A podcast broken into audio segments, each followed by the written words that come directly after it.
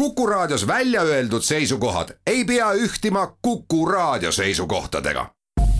Te kuulate Kuku Raadiot.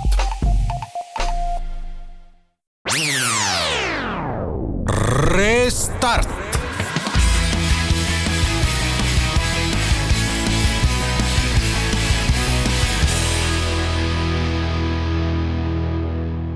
On laupäev ja Restardi saade alustab, Taavi Kotka, Henrik Roonemaa juhivad saadet ja meil on täna külas Kristjan Luha, kes.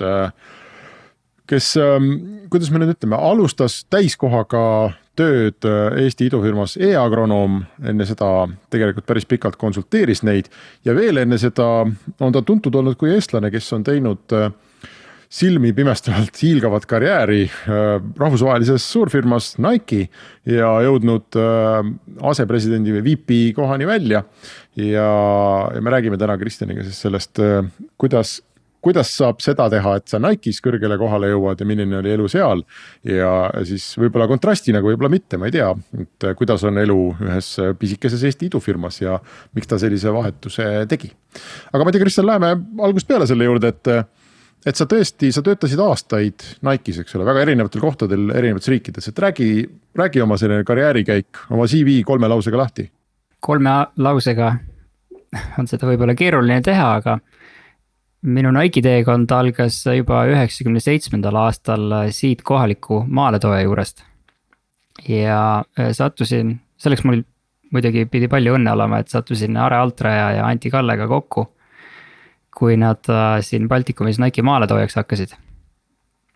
ja, ja esimesed viis aastat oma Nike'i teekonnast toimetasingi nende juures. sealt tuli juba kutse nagu päris Nike'isse, Euroopa peakontorisse ja, ja sealt siis hargnes, hargnesid võimalused edasi et ma ei tea, kas selle kohta võib öelda nagu selline tüüpiline äh, mingi karjäärikäik või et sa keskendud aastaid ja tuleb jälle uus amet ja uus ja üldiselt küll, suurtes ettevõtetes äh, on äh, noh, tihti võimalik väga pikalt äh, uusi kogemusi pakkuda. pika lennurada oma töötajatele ja uusi väljakutseid. ja noh, Nike ei ole selles suhtes mingi erand aga lähme natuke täpsemaks, et noh, tõenäoliselt sa neile uusi DOS-e ei disaininud, et see sinu rada oli mingi muu rada. et sellises kohas kindlasti on palju erinevaid positsioone, aga, aga kuidas see sinu rada kulges täpsemalt? Jah, minu teekond oli eelkõige läbi müügiorganisatsiooni. et siin Maaletõe juures äh, vaatasin ma müügi järgi äh, Baltikumis. ja, ja sealtkaudu sattusin ka äh, peakorterisse tööle. Neil on sellised suurte klientide, strateegiliste klientide haldamiseks loodud eraldi meeskonnad. ja esimene töökoht mul päris Nike'is oligi Footlockeri, see üks globaalne spordi jaekaubandusettevõte nende meeskonnas, kus ma äh, tegin müüki Footlockeri grupis okei okay,, aga sihuke suures äh, ettevõttes, äh, ega see müük tundub, et käibki niimoodi, et sul on kokkuvõttes. okei okay,, noh, Foodlocker on nüüd erinäide, aga ütleme, võtame mäletan, ma kunagi tutvusin ühe Lõuna-Aafrika Vabariigi aasta ettevõtjaga, kes sai rikkaks sellega, et ta tõi maale kõiki siis nii-öelda Nike'i, Reeboki, Adidase ja muid brände, eks, et.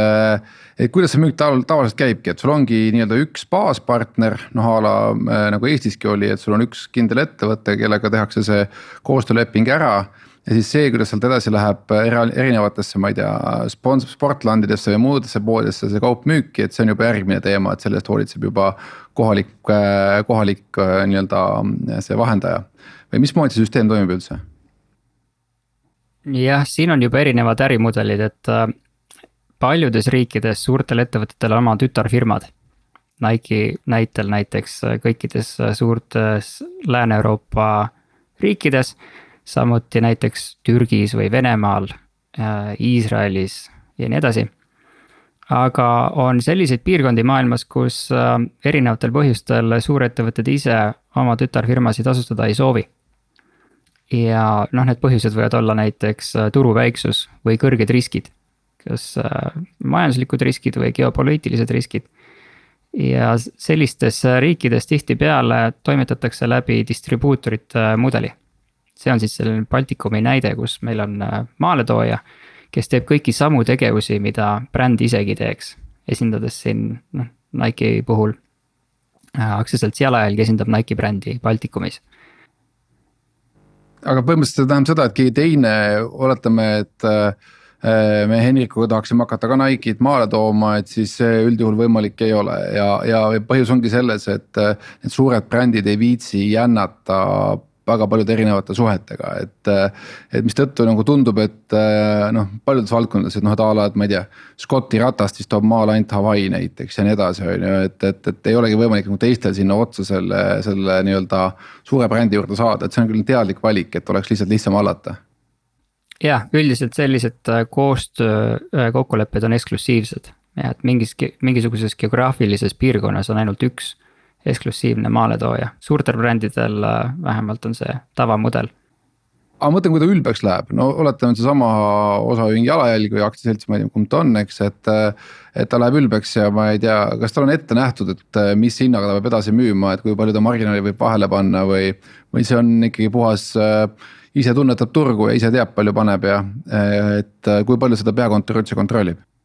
jah, seal on regulatsiooni ja reegleid on palju ja ootused on brändide poolt väga-väga äh, selgelt äh, piiritletud, aga noh, ikkagi turg dikteerib, äh, mis on maaletooja võimalused siin kohalikus keskkonnas nagu toimetamiseks.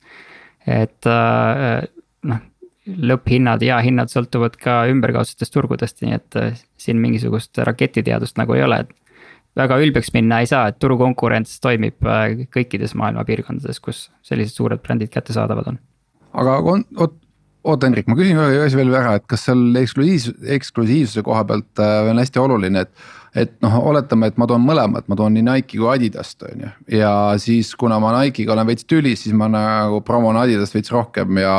ja soodustan nii-öelda tema nii-öelda nähtavust ja kättesaadavust on ju, et et kas see on ka teema, et kas need lepingud on kuidagi välistavad, et a la kui sa Nike'i tood, siis sa Adidast tuua ei tohi või, või, või mismoodi see käib üldse? täpselt nii, üldiselt äh, jah, suured brändid kindlasti välistavad selle, et nende konkurente saaks äh, sama ettevõte esindada samadel turgudel. väiksematel brändidel neid võimalusi on vähem, aga ikkagi noh, püütakse leida selliseid partnereid, kes on pühendunud brändi seisukohalt just sinu toodete esindamisele, et. et sealt sa saad rohkem tuge ja fookust. aga Nike'i puhul see võimalik ei ole räägime, räägiks natukene sellest poolest, et kui sa nüüd töötad siin Baltikumis oma Nike'iga, eks ole. No ja hommikul sõidad tööle ja õhtul sõidad koju ja et kuidas näeb see protsess välja, et sa seal nagu edenema hakkad, noh et kas. kas seda pakutakse nii suures firmas või, või on kuskil mingi selline sisemine sisemine nagu job site ja sa lähed sinna, vaatad, et hmm, asepresidendi koht, no ma kandideerin. kuidas see käib selles maailmas? maaletoojad teevad Nike'iga väga tihedat koostööd nii et äh, ütleme, selle maaletooja äh, põhimeeskond käib ka päris tihti päris ettevõt-, päris Nike'is. erinevatel kohtumistel seal uute sesoonide, kollektsioonide nagu ülevaatamisel ja müügimiitingutel. ja sealt tekivadki suhted ja kokkupuutepunktid ja Nike on alati ja ka kõik teised ettevõtted otsivad inimesi, kes juba valdkonda jagavad ja kellel on võib-olla potentsiaali äh, nende endi juures töötada ja sealt neid pakkumisi tuleb, et siit samast Eestist jalajäljest on mitmed töötajad äh, sattunud nagu äh, suuremasse äh, Nike'i süsteemi või ka mõne suurema maaletooja juurde näiteks. aga kui sa nüüd äh, lõpuks, eks ole, rühid selle VP kohani välja, et noh, mitte ma, ma ei taha, eks ole, kuidagi seda pisendada, aga noh, et Eestis meedias ka sinuga on tehtud ju palju intervjuusid ja, ja alati pannakse pealkirjaks, et eestlane on ju, globaalse suurfirma asepresident. no aga, aga tegelikkus on, on see, et, et neid VP-sid on seal terve trobikond või, või ei ole või on niimoodi, et sa noh, Eesti mõist-, eestlane mõtleb asepresident, et noh, järelikult see on, sa oled selles ühes ruumis, eks ole, kus tehakse, kus on veel kuus inimest peale sinu ja tehakse need kõik maailma muutvad otsused. mis see positsioon tegelikult tähendab? siin on keeruline võrrelda, et meil on ka idufirmades on Äh, inimesed, inimeste tiitlid, töötajate tiitlid on äh, VP-d ja CEO-d ja CCO-d. Eesti keeles öeldakse osakonna juhataja pärast seda. ma tean, meil on idufirmasid, kus inglise keeles on VP, tegelikult öeldakse, et on osakonna juhataja. Ma arvangi, et see on pigem selline äh, signaliseerimise äh, meetod või põhjus, et miks inimestele neid äh, standardseid tiitleid nagu pannakse. ja, ja Nike'is ka palju aastaid äh, oli see positsioonide või rollide nimetamine nagu teistest ettevõtetest äh,, turul tegutsevatest spordisektori ettevõtetest natukene maha jäänud. ja, ja see oli võib-olla kuskil kümme aastat tagasi, kus äh, seal tehti muudatusi just selleks, et oleks äh, Nike'il ka lihtsam palgata inimesi väljaspoolt. kes vaatasid, oota, et mida ma siis nüüd tegema tulen, kas ma tulen äh, manager'iks, direktoriks, senior director'iks või VP-ks.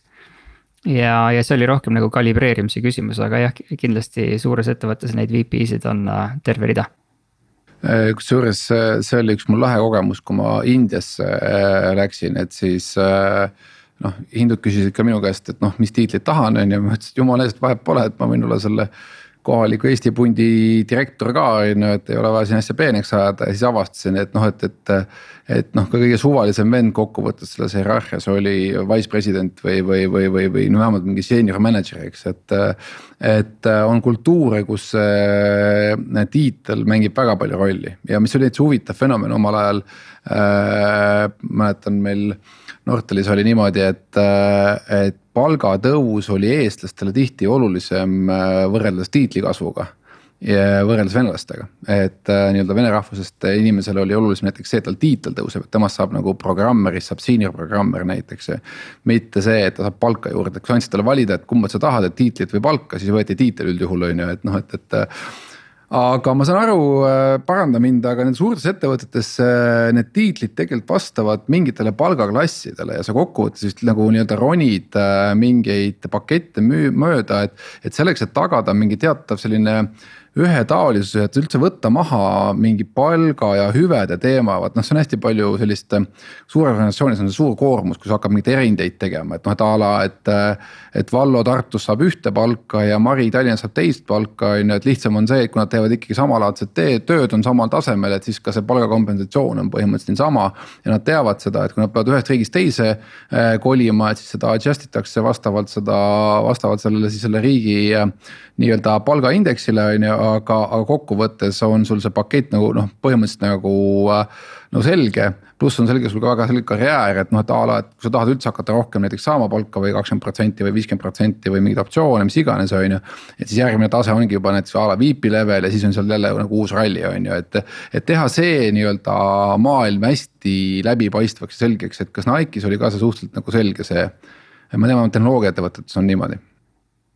täpselt nii jah, Nike'is on see äh, vägagi samamoodi ja ma arvangi just sellel põhjusel, et äh, kui sul on juba kümneid tuhandeid töötajaid, Nike'is vist seitsekümmend, seitsekümmend viis tuhat töötajat, pooled neist võib-olla töötavad äh, jaekeskkonnas, kauplustes, võib-olla ka ladudes. aga, aga ülejäänud kolmkümmend viis tuhat kontoriinimesed. ja kui sa seal väga tugevalt struktuure paika ei pane, siis on väga keeruline planeerida globaalselt kulubaasi ja kuidas see muutuma hakkab iga-aastaselt. nii et äh, jah, selline, see standardiseerimine on just selle jaoks vajalik, et äh, vähem erandeid tehtaks pluss on selles mõttes ka hea, et noh, et oletame, et sa oledki nüüd ütleme siin äh, levelil kuuskümmend kolm äh, siin Eestis äh,. sinu palk on võetud siinse indeksi järgi, mis tähendab seda, et noh, ma ei tea, oletame näiteks, et see on noh, ma ei tea, kolm tuhat või neli tuhat eurot, võtame neli tuhat eurot. ja nüüd, kui sa lähed samale positsioonile näiteks Floridasse siis noh, elukallidus on midagi muud, eks, äh, üürid on midagi muud, äh, muud hinnad on midagi muud. mistõttu siis kohe võetakse noh, põhimõtteliselt jääd sellesama leveli peale, mis sul oli see kuuskümmend kolm on ju, ainult selle vahega, et nüüd enam see baaspalk ei ole mitte neli tuhat eurot, mis oli Eestis nagu piisav, vaid see on sul äh, Floridas näiteks, ma ei tea, kaheksa tuhat dollarit või midagi sellist, on ju. et see, mis ka sellepärast on, on, on maru hea, kui on, on sellised nagu kindlad järgud aga ma ei tea, kas Henrik, teeme väikse pausi enne, kui lähme nüüd e-agronoomi kallale ja absoluutselt, teeme siia pausi ja siis äh, jätkame kohe. Restart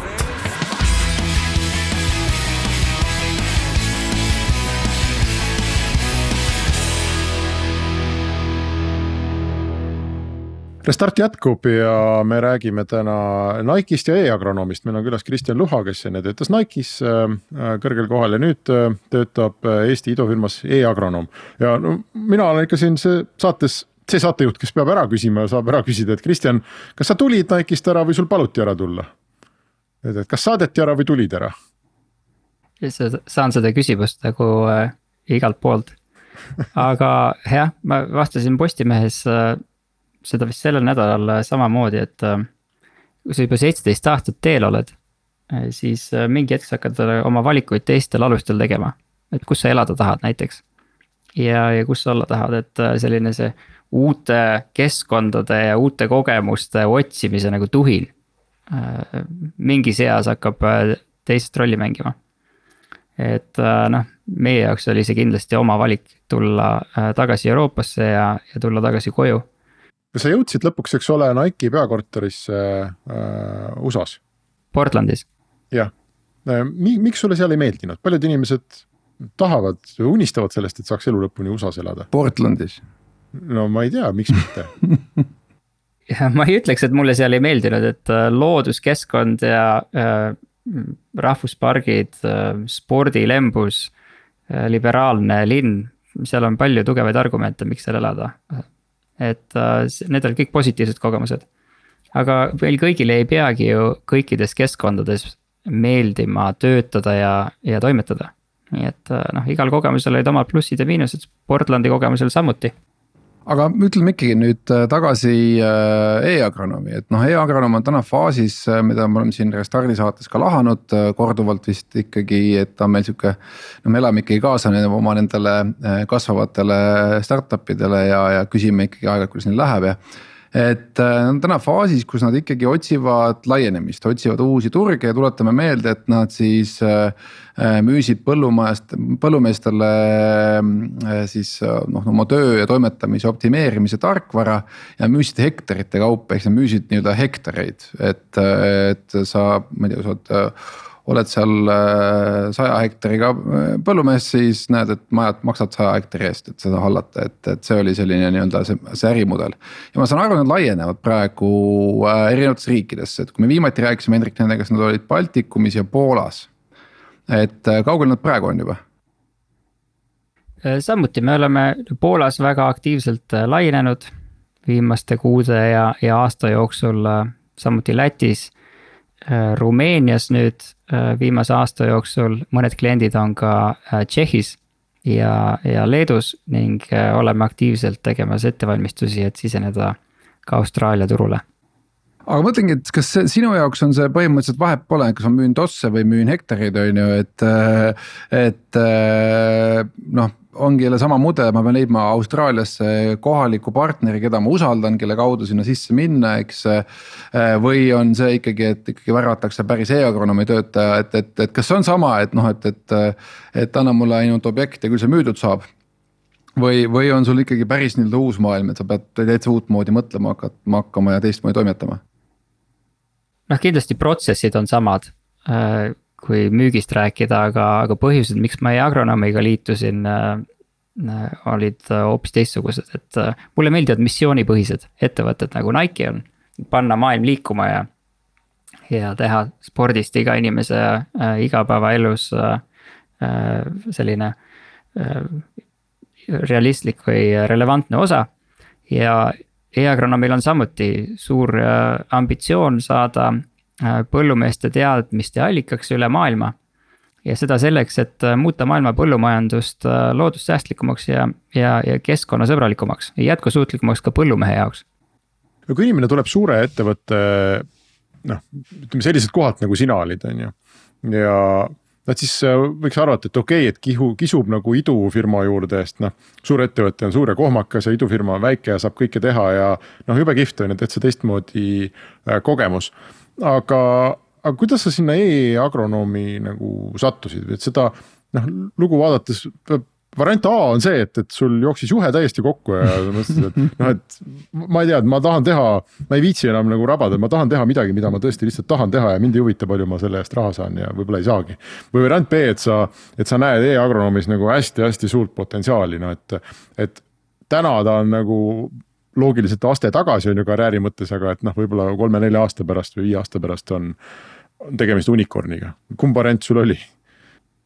no täpselt nii, et äh, meil on ikkagi globaalsed ambitsioonid e-agronoomis, äh, mitte jääda Ida-Euroopa või isegi Euroopa ettevõtteks, vaid äh, viia see lahendus ja ärimudel paljudesse riikidesse.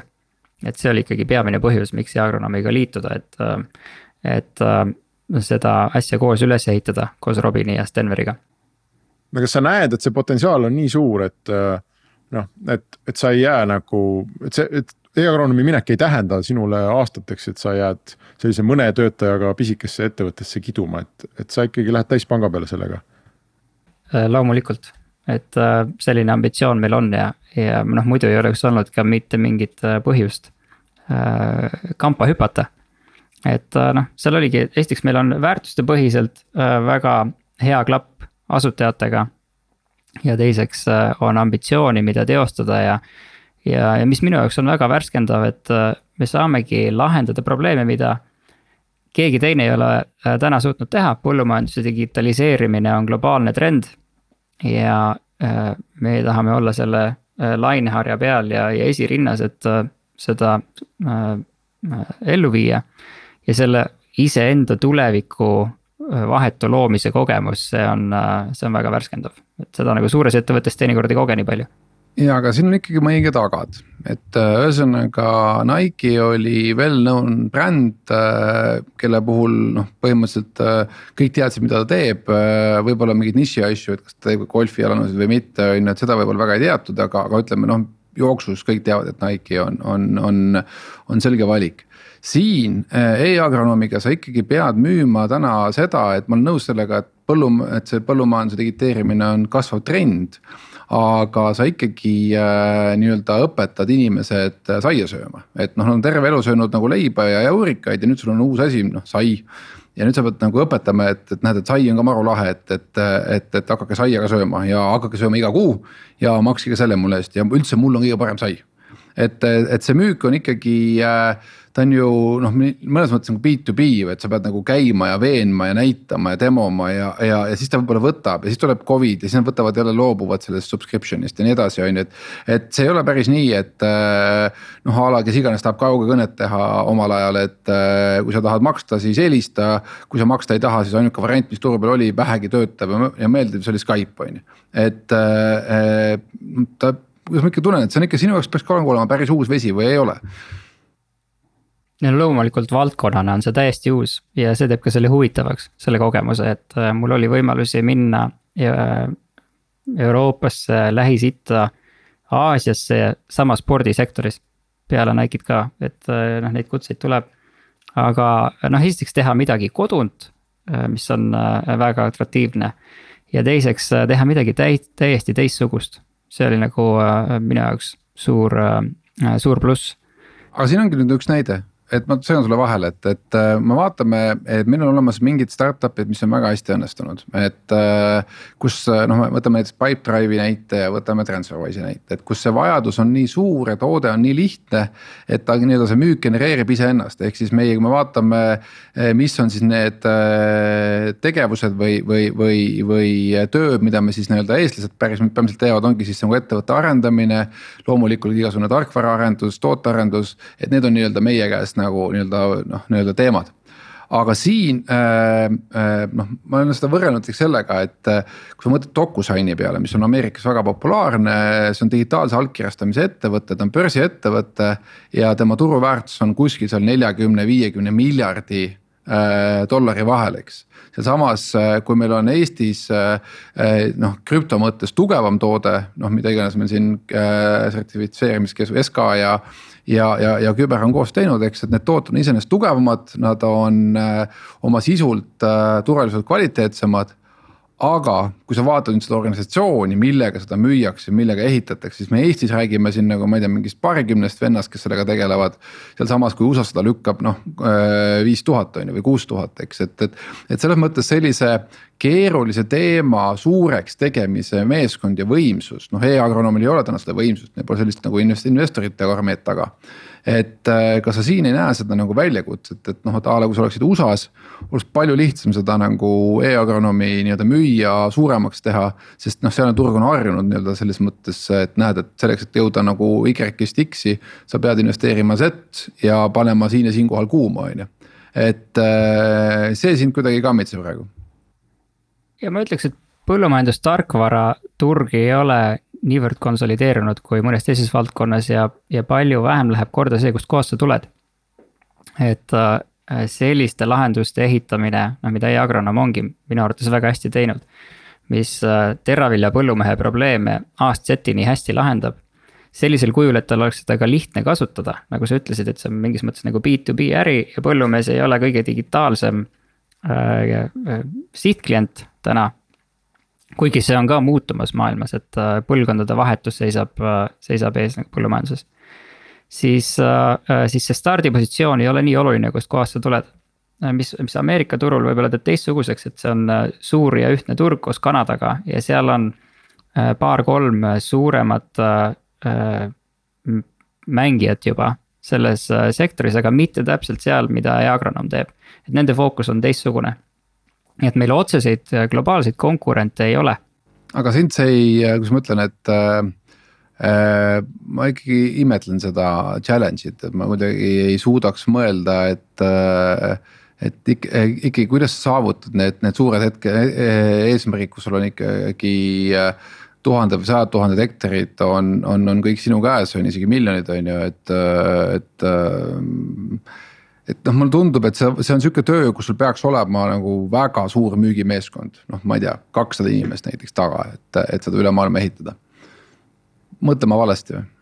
tegelikult, äh, kui sa niimoodi arvutad, meil ongi juba miljon hektarit Äh, maksvaid põllumehi täna äh, Ida-Euroopast kuuest väikselt, väiksest turust.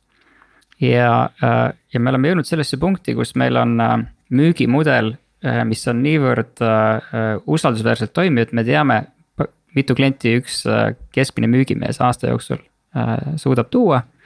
ja, ja kui sa selle läbi arvutad siis selleks, et äh, kahekordistada neid, äh, neid hektareid äh, iga-aastaselt, sul ei pea olema mingisugune müügimeeste armee. vaid sa pead fokusseeritult laienema äh, uutele turgudele, mitte väga paljudele korraga, vaid tegema äh, äh, valikuid, kuhu sa lähed.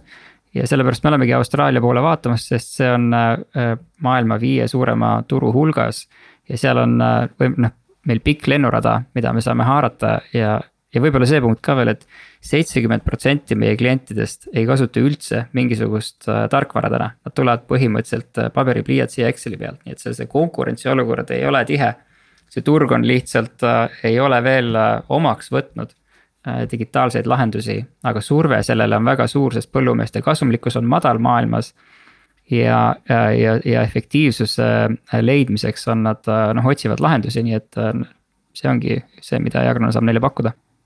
Aga nüüd, kui sa müügimehena vaatad seda toodet, et äh, kui kindlalt sa üldse ennast tunned, et äh, kas sa oled ka ise teinud läbi mingi reaalseid äh, müügitsükleid, et oled kõndinud kaasas või sõitnud kaasas, käinud põllumehe juures, vaadanud, mismoodi müügimees tutvustab toodet, müüb seda.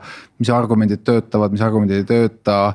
noh, kindlasti teil on, peab olema mingi eh, ettevalmistatud tekk, mida te lihvite kogu aeg järjest paremaks. Noh, mingi nii-öelda stamp müügitekst, mida noh, enam-vähem järgides peaks müügi ära tegema, optimeerid seda teksti, on ju, et kui palju sa ise nii-öelda käsimasinas seal põllu peal oled käinud? noh, me oleme käinud põldudel nii meie agronoomide kui kui müügimeestega äh, põllumeeste juures, et äh, ma olen seda protsessi oma silmaga näinud ja tegelikult täna toimub äh, üheksakümmend protsenti meie müügitegevusest läbi telefoni, online'is. eriti peale, noh, me liikusime selle mudeli peale Covidiga seoses, ringi sõita ei olnud märtsikuus võimalik põllumeeste juurde. ja mis tegelikult meil oli nagu Äh, väga heaks äh, muutuseks ettevõttes, et meie müügimudel muutus efektiivsemaks. ja, äh, ja noh, põllumees otsib aktiivselt võimalusi, kuidas teha paremaid otsuseid. ja sellist iseseisvat nõu ja, ja nõustamist ja ülevaadet tema põllumajandist, seda on tal raske leida, nii et selles suhtes ta saab, ta saab väga hästi aru, miks tal e-agronoomi vaja on olgu, me teeme siia kohta teise pausi ja siis äh, läheme saate viimase kolmandiku juurde. Restart.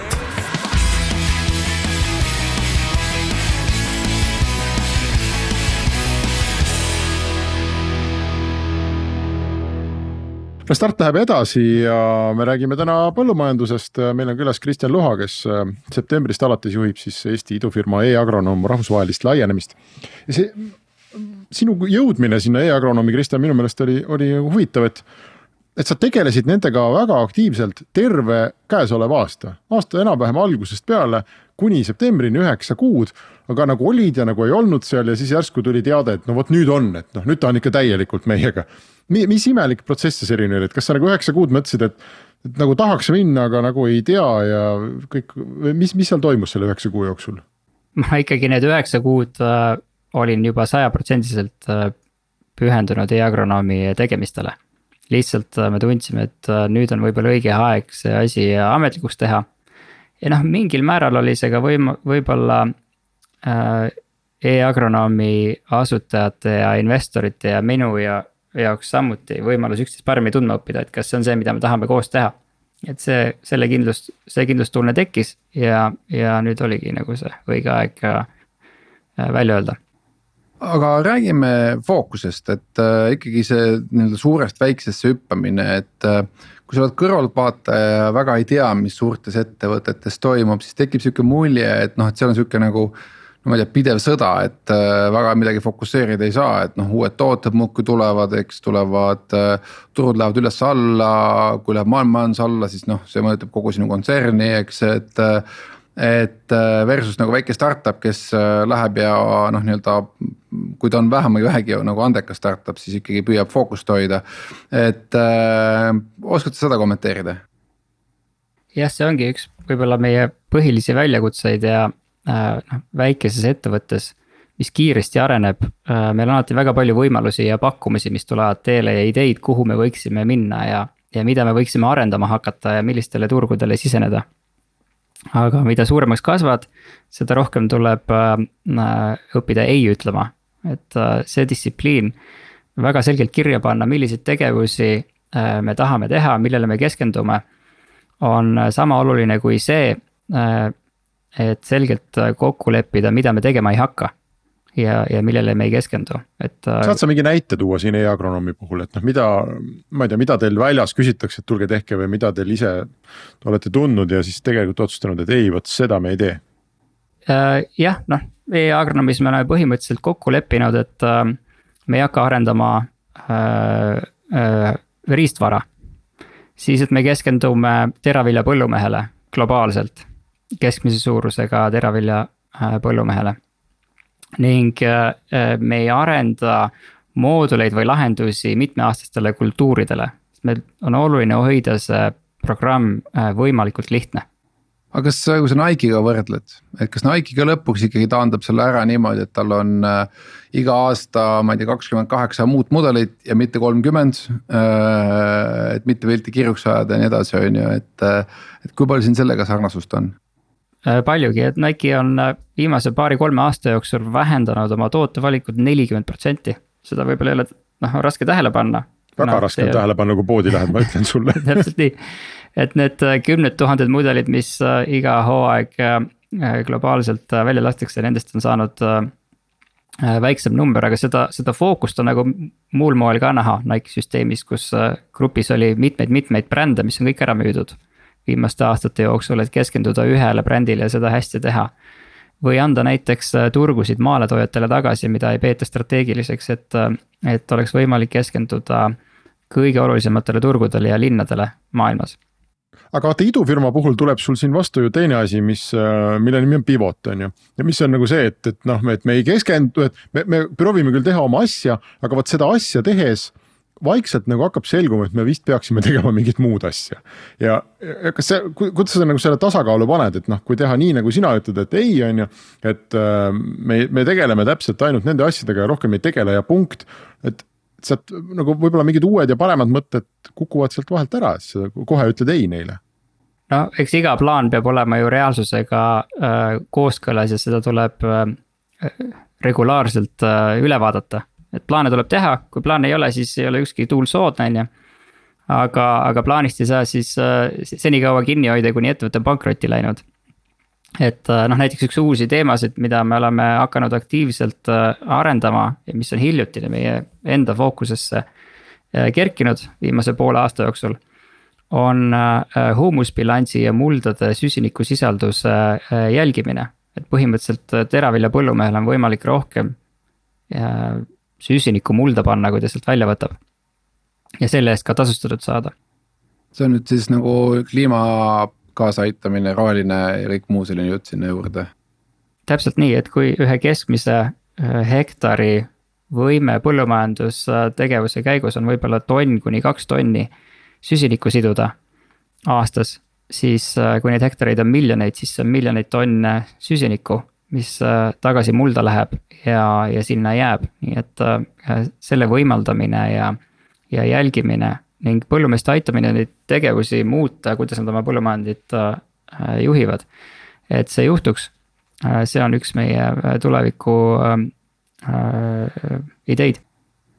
Aga ühesõnaga rääkides jälle uutest ideedest, mina olen ikkagi tehnoloogiainsener, minul meeldivad igasugused vidinad, et kui ma e-agronoomi vaatan, vaatan, siis see on ikkagi äh, nii-öelda noh, jällegi ma ei taha nüüd liiga teha, aga noh, ütleme tundub, et see on pigem siis nii-öelda vana äh, kaustiku digiteerimine ja natuke peale.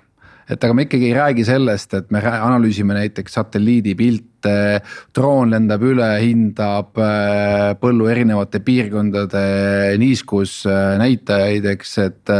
et, et see on ikkagi veel nii-öelda tulevikumuusika või siis nii-öelda nende suurte muusika, ehk siis need, kes. kes noh, needsamad kolm ettevõtet seal USA-s, millest sa rääkisid, on ju, et. et kui näljane see põllumees üldse on sellise uue innovatsiooni järele või ta pigem ongi see, et tehke kõigepealt mul Exceli ja kaustik korda ja kui ma sellega hakkama saan, et siis hakkame vaatama, kas meil droon ka lendab või mitte, eks. eks see mingis mõttes toimubki samm-sammult see äh, põllumehe enda nagu mõttemaailma äh, äh, areng, aga, aga samas ma arvan, suured trendid, mis toimuvad, on see, et nende äh, digitaalsete lahenduste ja, ja, ja põllumajandusriistvara arendus äh, on ka nii kiire, et äh, need tehnoloogilised võimalused, mis tulevikus või lähitulevikus kättesaadavaks muutuvad põllumehele on äh, nii head, et, äh, et ta lihtsalt on mõtet hakata neid kasutama. ja meil samamoodi, et me integreerime satelliidi äh, indekspilte oma programmis ja mullasensoreid ja äh, väga palju andmeid väljaspoolt seda, mida põllumees ise sisestab. et äh, see on lähitulevikus juba igapäevase põllumajanduse äh, tavapärane osa. meil siis Indias oli äh,, Indial on põllumehed äh, hästi killustunud, siin on hästi väiksed maalapid, äh, siis toimus selline maareform, et noh, jällegi, et hääli osta, siis jagati inimestele maad. ja niisugused maad on siuksed noh, tõesti väga väikesed, et, äh, et me ei räägi üldse mingist konsolideerumisest. ja, ja sealne digiteerimine, kuna inimesed ei ole nii, niivõrd äh, nii-öelda osavad ja arvuteid ei ole ja nii edasi, et on ainult telefonid. siis leiutati selline jalutuskepp India põllumeestel meeldib jalutada siukse, siukse toikaga, terava toikaga. ja saadi aru, et aga ups, kui me sinna toika otsa paneme, noh kui ta niikuinii paneb selle nii-öelda toika sinna maha, et noh, et, et siis. mingis situatsioonis mingi nupuvajutuse peale võib ju ka mingi proovi lugeda sealt sellest äh, pinnasest on ju, et, et kui teed selle, selle nii-öelda jalutuskepi teed targaks. et siis ups ongi juba nagu piisav innovatsioon India jaoks näiteks et teil midagi sellist ei ole, aga sa ütlesid ka, et riistvarasse ei lähe, et selles mõttes jah, et see läheb juba riistvara maangumaale ja jah, sinna, sinna me ei trügi. kuidas seda mm, rahvusvahelist laienemist äh, ja müüki sinu plaan nagu korraldama nüüd hakata on, et Austraalia turg Eestist väga kaugel, on ju, kas, kas sinna on mõtet minna oma mingisuguse tiimiga? kas sinna on mõtet ise ehitada tiim, kas on mõtet leida mingisugused edasimüüjad ja neid juhtida või mis see plaan on? see ongi kombinatsioon äh, nendest erinevatest äh, turustuskanalitest et äh, ma arvan, meil põhiline laienemismudel jääb äh, otsemüügi peale. ja Austraaliasse sellepärast, et esiteks see on inglisekeelne turg. teiseks äh, me suudame teda siit lansseerida ja teenindada nagu Covidi olukorras, kus reisimine ja kohale lendamine on keeruline. ja, ja me saame ka siit otse müüa et noh, Austraalia põllumees on väga harjunud sellega, et tal keegi kohale ju ei sõida, et maa on nii suur. ja, ja nad on harjunud tegema tehinguid ja, ja äh, otsuseid läbi telefoni ja, ja emaili ja, ja videokõne. kas päriselt saab niimoodi müüa põllumehele midagi, mida tal täna üldse ei ole, mitte isegi upgrade'i, vaid mingit täiesti põhimõtteliselt teist asja, nii et sa. võtad Eestist kõne üles ja helistad Austraaliale, Austraaliasse ja, ja ongi korras või? Ja, täpselt nii me müüme täna ka Lätis, Eestis ja, äh, ja Poolas. et isegi Eestis ei pea põllumehe juurde sõitma, et midagi müüa, et põllumees on äh, Äh, täiesti valmis ostma ka, äh, ka telefoni teel. aga otsemüük ei ole ainukene nagu kanal aga ma mõtlengi, et äh, Eestis te olete tuntud vähemalt ütleme, teil ju väga paljud teie investorid on ka ju ise põllumehed, eks, et. kaasa arvatud ka mina, küll mitte põllumees, aga investor, et, et. Poola, see tundub ikkagi noh, jällegi, et tulid mehed kuskilt Põhjamaalt ja ütlesid, et mul on lahe äpp on ju, et hakka kasutama, et see kõlab kuidagi kummaliselt, kas tõesti on nii võimalik? Et mis see, mis see nipp on? eks selle lumepall tuleb kuidagi veerema saada, et ükskõik millisele turule minna, et ega Nike'it ka äh, seitsmekümne üheksandal aastal Euroopas ei teatud. et äh, kuskilt tuleb alustada ja see tuntus tuleb tekitada, aga tänapäeval äh, läbi digitaalsete kanalite on seda võimalik väga kiiresti teha et ja ka noh, põllumehel on võimalik suhteliselt kiiresti kontrollida, kas ettevõte on päris ja, ja mis, milline nende kodulehekülg välja näeb ja kas neil on, mis nende kohta netis kirjutatakse. nii et see iseenesest ei ole probleem, pluss paljud põllumehed ostavad seda, mida nende ringkonnas soovitatakse. nii et esimene klient toob sulle teise ja, ja tei-, teine klient järgmised kaks ja nii edasi aga mingid sellised, et ostad teatavaid Google AdWords'e või, või, või Facebooki mingeid tüüpe otsinguid või sõnu, et see, see, see teema ei ole eh, nii-öelda selle müügi teema äh,? on ikka, teeme seda ka. aga on see ka tulemuslik, et äh, mitu protsenti näiteks sellest kanalist tuleb, et äh, oskad sa peast nagu öelda, et või noh, suurusjärgu, et sa ei pea meile ütlema, et see on täpselt viisteist või noh täna ikkagi ja täna ikkagi väike protsent, et suurem osa müügist tuleb äh, otsemüügist ehk siis äh, outbound äh, tegevusest. võib-olla kuskil üheksakümmend protsenti. Ja, ja muide, see protsent, kui palju äh, klientidest tuleb inbound, sõltub juba sellest, kui tuntud on äh, su äh, bränd või äh, ettevõte kohalikul turul, nii et äh, see hakkab mõjutama ja aga samas see müük tundub ikkagi suhteliselt aeglane, et noh, et investorina ma näen ka neid aruandeid ja ütleme niimoodi, et. et äh, ma saan aru, et see on B2B müük ja nii edasi, aga tahaks ikkagi nagu investorina näha kiiremaid, suuremaid hüppeid, et. et kas sa usud, et see lõpuks jääbki nii-öelda orgaaniliseks kasvuks, mida ta praegu noh, rohkem-vähem on, kui sa graafikuid vaatad. või siis on ikkagi võimalik ka päris hokikepp, et ühel hetkel on noh niimoodi, et kõik avastasid enda jaoks selle toote ja noh, ma ei tea Äh, mahud kasvavad nelja kuu jooksul äh, kuus korda, eks, et, et, äh, et on see üldse võimalik? ma arvan, põllumajanduses on seda raske teha, aga on võimalik skaleerida müügimahtusid, otsemüügimahtusid. aga seda hirmu ei ole, et, et raha saab otsa, enne kui, kui piisavalt tuleb nii-öelda käivet taha? nojah, selle vältimiseks me olemegi äh, fine tune imas oma äh, ütleme seda tegevusmudelit, et me kulutaksime vähem raha uute klientide leidmise peale, kui äh, nende esimese aasta käive on. me sellele laienedes peale ei peaks maksma. siis saab, siis see toimib. mis on sinu enda selline sisemine mm, äh, eesmärk, et äh, on sul ühe, kolme või viie aasta plaan, et mis peaks juhtuma, et sa vaatad pärast selle aja kukkumist tagasi ja ütled, et voh, et hästi, hästi on läinud, et, et täitsin, tegin seda, mis mis ma plaanisin no meil ongi suured ambitsioonid, aga äh, kindlasti on see e-agronoomi brändi ja lahenduse äh, viimine laia maailma. et äh, meil oleks viie aasta pärast platvormil miljonid hektarid, kümned tuhanded põllumehed ja äh, oleksime kande kinnitanud äh, nii Põhja-Ameerikas, Lõuna-Ameerikas kui äh,, kui Austraalias. see, mis sa enne mainisid, sada protsenti aastas müüki suurendada, et see on selline, millest sa ise lähtud või?